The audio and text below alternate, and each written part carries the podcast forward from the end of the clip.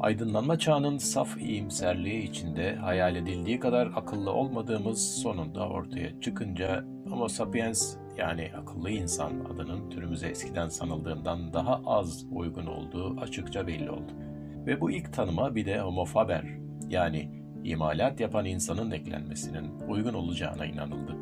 Oysa bu ikinci terim bizi tanımlamaya çok daha az uygundu. Çünkü faber yani imal etme birçok hayvanı niteleyebilir. Ve imal etme konusunda doğru olan oyun oynama konusunda da doğrudur. Birçok hayvan oyun oynar. Bunun için yavru hayvanların neşeli oynaşmalarını dikkatlice izlemek yeterlidir. Bunlar öncelikle bir tür ayini andıran tavır ve jestlerle birbirlerini oyuna davet etmektedirler. Yavru hayvan, oyun oynadığı arkadaşının ya da kardeşinin kulağını ya da herhangi bir uzvunu gerçekten ısırmayı yasaklayan kurala sonuna kadar uymaktadır. Karşılıklı sanki korkunç öfkeliymiş gibi davransalar da bütün bu oyundan fazlasıyla zevk aldıkları ve eğlendikleri ise açıktır.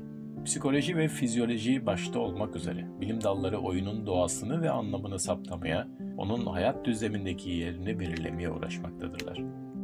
Kimileri oyunun kökeninin ve temelinin yaşama sevinci fazlalığından kurtulmanın bir biçimi olarak tanımlanabileceğini düşünürken, başka teorilere göre ise canlı varlık oyun oynadığında doğuştan gelen bir taklit yeteneğinin hükmü altındadır veya bir gevşeme ihtiyacını tatmin etmektedir veya hayatın ondan talep edeceği ciddi faaliyetlere hazırlık antrenmanı yapmaktadır.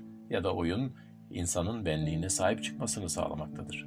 Oyunun kökenini egemenlik kurma arzusunda arayanlar olduğu gibi yarışma ihtiyacı içinde bir şey yapabilmeye veya bir şeyi belirleyebilmeye yönelik olan yatkınlıkta arayanlar da yok değildir.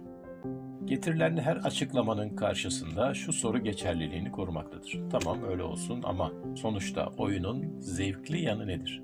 Bebek neden zevkten bağırır? Neden binlerce kişi kalabalık futbol maçında çılgınlığa varan bir heyecan yaşar? Oyuncunun neden hırslan gözü döner? Gerilim oyun olgusunun içinde önemli ve çok kendine özgü bir yer tutar. Gerilim parmaklarını bir yere geçirmeye çalışan bebeğin minik ellerinde, bir eşyayla oynayan yavru kedide, top atıp yakalayan küçük kızda bile görülür ve oyun az veya çok bir yarışma niteliği kazandıkça daha da önem kazanır. Bu şekilde oyuncunun fiziksel gücü, dayanıklılığı, mahareti, cesareti, tahammül gücü ve aynı zamanda manevi gücü sınanır. Önemli olan kazanılan misketler değil, oyundur. Kazanmak nedir peki ve ne kazanılmaktadır? Kazanmak bir oyunun sonunda üstünlüğünü belli etmektir. Onur, itibar ve prestij demektir. Çocukluktan üst kültür faaliyetlerine kadar insanın üstünlüğünden ötürü övülme veya saygı görme isteği bireysel ve kolektif yetkinleşmenin en güçlü nedenlerinden biri olarak etki eder. Herkes kendi yeteneğine uygun düşen saygıyı arar. İyi yapmış olmanın tatminini duymak ister. Bunun anlamı şudur. Başka birinden daha iyi yapmış olmak. Rekabet ve yarışma bu üstünlüğü kanıtlama fırsatı sunar.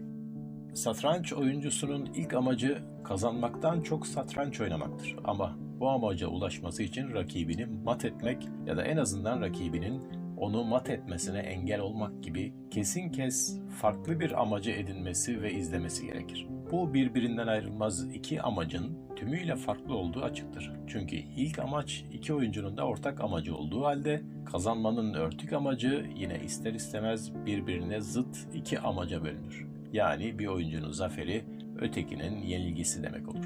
Burada paradoks terimini kullanmayı isteyip istemememin çok büyük önemi yoktur. Buna çelişki ya da amaçların çelişmesi de denebilir. Ne var ki oyun oynarken rakibe stratejik bir bilgi vermek garip görünse de o kadar da garip değildir. Çok iyi bir satranç oyuncusu kendisinden daha alt düzeydeki rakibini kötü bir hamle konusunda uyarırken rakibin kazanmasını değil sonunda gelecek zaferinin daha doyurucu olmasını istemektedir. Yani insan oyunu kazanarak da kaybederek de bitirebilir. Oyunda kaybeden zaferi kazanmasa da bir şeyler başarmıştır. Peki ama kaybetmeyi mi başarmıştır? Oyunu kaybetmeyi başardım demek, başarısız olmayı becerdim demekle ve uğraşma ve elde etme etkinliğinin genellikle paradoksal olduğunu söylemekle aynı şeydir. Ne var ki oyunu kaybetmek suretiyle kazanamamak, oyunda yine de başarı elde edilmiş olması anlamına gelir. Şöyle ki, söz konusu etkinliğin, oyunu oynamanın, zaferle olmasa da başarılı şekilde bitirildiği anlamına gelir. Burada simgesel olarak oyun alanı gökyüzünü, uçan top güneşi, iki halka ise güneşin sabah akşam geçtiği yeryüzü sınırlarının deliklerini temsil eder. Oyunculara gelince bunlar da geceki gökyüzünün tanrısı olan Tezcatlipocan'ın yıldızlarının cismani halidir. Oyunlarda ödül olarak taraflar altın, halı, tüyden yapılma eşyalar ve hatta kendilerini öne sürerler. Ödül altın bir kupa, bir mücevher, defneden bir taç, kralın kızı, bir oyuncunun hayatı veya kabilenin şanı olabileceği gibi bir güvence veya bir bedel de olabilir. Ücret ise oyun alanına tamamen yabancı bir kavramdır. Afrika'da çalışan bir antropolog bir kabilenin çocuklarına bir oyun oynamayı önerir. Ağacın altına koyduğu meyvelere ilk ulaşanın ödülü o meyveleri yemek olacaktır. Onlara hadi şimdi başlayın, birinci olan ödülü alacak der. O anda bütün çocuklar el ele tutuşur, koşup ağacın altına beraber varırlar ve hep beraber meyveleri yemeye başlarlar. Antropolog neden böyle yaptıklarını sorduğunda ise şu yanıtı verirler. Bu Ubuntu'dur. Nasıl olur da diğerleri mutsuz iken birimiz o ödülü yiyebilir ki? Ve Ubuntu'nun anlamını açıklarlar. Onların dilinde Ubuntu, ben biz olduğumuz için benim demektir. Bir oyunun kurallarından kuşku duymak asla mümkün değildir. Çünkü onları belirleyen ilke tartışmasız niteliktedir. Kurallar ihlal edilir edilmez, oyun evreni çöker. Oyun diye bir şey ortada kalmaz. Alice'in Kaukus'taki koşu yarışında herkes istediği yerden başlar. İstediği yerde de bitirir koşuyu. Kroket karşılaşmasında ise top yerine kirpi, tokmak yerine pembe flamingolar kullanılır. Çemberler ise oyunun başından sonuna kadar sürekli yer değiştiren askerlerdir. Bu oyunlardaki ortak nokta çok hareketli geçmeleri, belirli hiçbir kuralın bulunmaması ve ne yenenin ne de yenilenin söz konusu edilmemesidir. Madame Falconer adında bir eleştirmen, Karola şu serzenişte bulunur. Oyunun örgüsü saçmalıklarla ve olanaksızlıklarla dolu. Bu serzeniş oldukça gülünçtür çünkü söz konusu edilen oyun zaten küçük bir kız çocuğunun düşünde geçmektedir. Lewis Carroll yalnızca yeni yeni oyunlar yaratmakla ya da bilinen oyunların kurallarında biçimsel değişiklikler yapmakla yetinmemiş bir tür düşünsel oyuna ulaşmaya çalışmıştır. Ancak ilk anda bunun anlamını ve işlevini ayrımsamak güçtür. Burada söz konusu olan olanaksızı gitgide daha güçlü bir biçimde gerçeğe dönüştürmektir. Ölümle oynayan kişi rekabet duygusunu hoş görmez artık kendini bir istisnai kişi olarak tek rekorun sahibi olarak görmek ister. Bu ölüme meydan okuma endüstriyel çağın bir özelliği olsa da daha dün değildir ortaya çıkışı. Kültürler arasında bu kahramanca kendini olurlama, yazgı karşısındaki ve üzerindeki bu yüce bahis en tuhaf biçimlerde görülmüşlerdir. Roma'da sirk oyunları kent yaşamının temel bir oluşumuydu. Ünlü araba yarışları dışında Romalılar, Aziz Augustus'un sirk çılgınlığı, amfiteatr mezalimi diye adlandırdığı şeylere de tutkundular. İnsan ile hayvan arasında ölümüne dövüşünün günümüzde kalan son örneği ise kuşkusuz La Corrida'dır. Meslekleri için her şeyi unutturan bir aşk duyduklarından akroplar, izleyicilerin cesaretleri karşısında korkutan taş kesildikleri, yenilebileceğini göstermek için korkuyla oynadıkları o yoğun anları dünyada hiçbir şeye değişmezler. Burada söz konusu olan yüksekliğe direnmekten çok ona kendini salıvermektir. Bu kendileri için uyur gezer denen düşünceyi odaklaştırarak merkezileştiren ip cambazları için de geçerlidir. İp cambazları üzerinde ilerledikleri ip tarafından hipnotize edilmiş değiller midir? Savaş sanatının ustaları düşüncenin hem tam anlamıyla sakin Fujiyama Dağı gibi sağlam oturmuş olması gerektiğini hem de uyanık ve yay gibi gergin olması gerektiğini öğretirler. Bir saniye bile olsun düşünülmemelidir. Özellikle kılıç dövüşlerinde yaşam ya da ölüm bir anda çıkar ortaya. Hep karşısında olduğunuzda korku yaşar. Dövüşte bile rakibinizle aynı bilinci paylaşmanız gerekir. Meslekleri ölümü evcilleştirmek olan bir başka toplulukta dublörlerdir. Bunlar en akıl almaz deneylere girişip oyun riskinin en değişik biçimlerini gerçekleştirirler boş şeylerin fatihleri denir onlara ya da olanaksızı arayanlar. Ingmar Bergman'ın 7. mühüründeki düssel imgeleri kimse unutamamıştır. Kahraman satranç oynarken ölüme karşı oynar. Peki ama insan neden sever ölümle oynamayı? Ölüm olan bu tarafsız toprakların sınırlarında insan paradoksal olarak kendi yaşamcıl atılımının tam bir olurlamasını mı bulur? Tehlikeli yaşamın bir etiğinin olduğunu ve görünüşte boş olan böylesi deneylerin insanın tam ölçüsünü verdiğini mi? Ne demiş Rilke? Yaşamak kendi ölümünü yaşamaktan öte bir şey değildir. Dürüstçe oynamak gerekir. Bizim kavrayışımıza göre hile ve aldatmacaya başvurulması müsabakanın oyunsal karakterini bozar ve ortadan kaldırır. Çünkü oyunun özü kurallarına uyulmasıdır. Kurallara karşı çıkan veya bunlara uymayan oyuncu bir oyun bozandır. Topluluğun büyülü dünyasını bozmuştur. Bu nedenle haindir ve oyundan atılması gerekir. Ancak arkaik kültür ile popüler zihniyet bu noktada bizim gibi düşünmemektedir.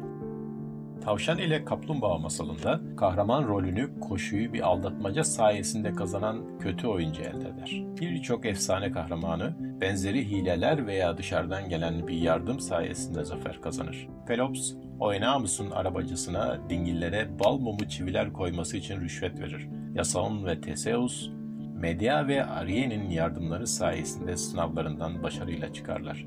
Hint destanı Mahabharata'da Kaurava ailesi zar oyununu bir yutturmaca sayesinde kazanır. Hukuk, yasa ve yargı alanı ilk bakışta oyun alanından çok uzak görünmektedir.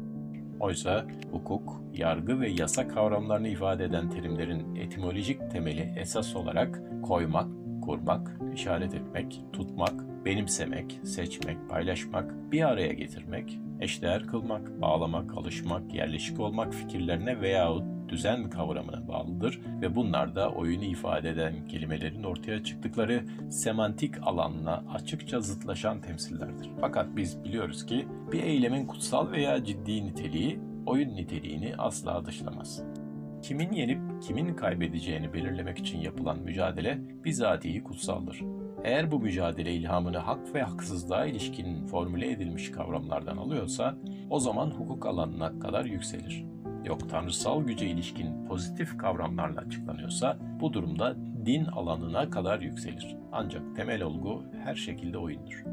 Atina'nın en görkemli dönemindeki adli hitabet her zaman tüm hilelere ve ikna etmeye yönelik tüm yöntemlere izin veren bir beceri yarışmasının damgasını taşımaktaydı.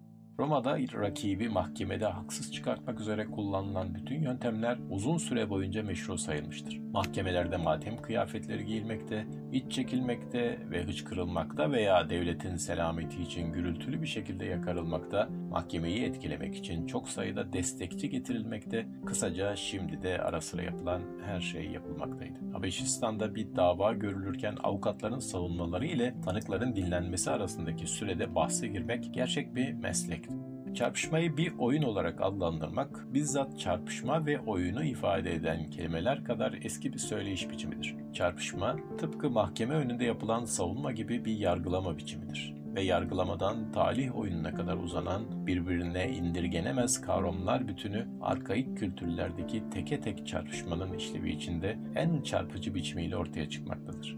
İlk dönemlerden başlayarak gereksiz kan dökülmesinin engellenmesi olarak kabul edilen teke tek çarpışmalara en iyi örnek Muhammed'in Kureyşlileri yendiği Bedir Savaşı'dır. Üç savaşçıdan oluşan bir grup düşman saflarındaki benzeri bir gruba meydan okur. Aynı şekilde Aşil ve Hektor'un mücadelesi de buna iyi bir örnek teşkil eder.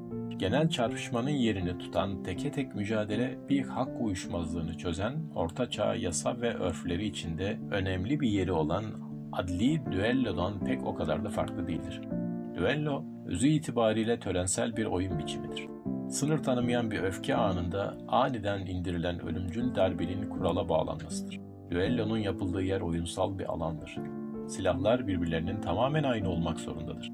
Düellonun başlangıcı ve bitişi bir işaretle belirtilir. Kaç el ateş edileceği veya kaç kılıç darbesi indirileceği hükme bağlanmıştır. Kan akması tek başına beklenen koşul olan şerefin temizlenmesi için yeterlidir.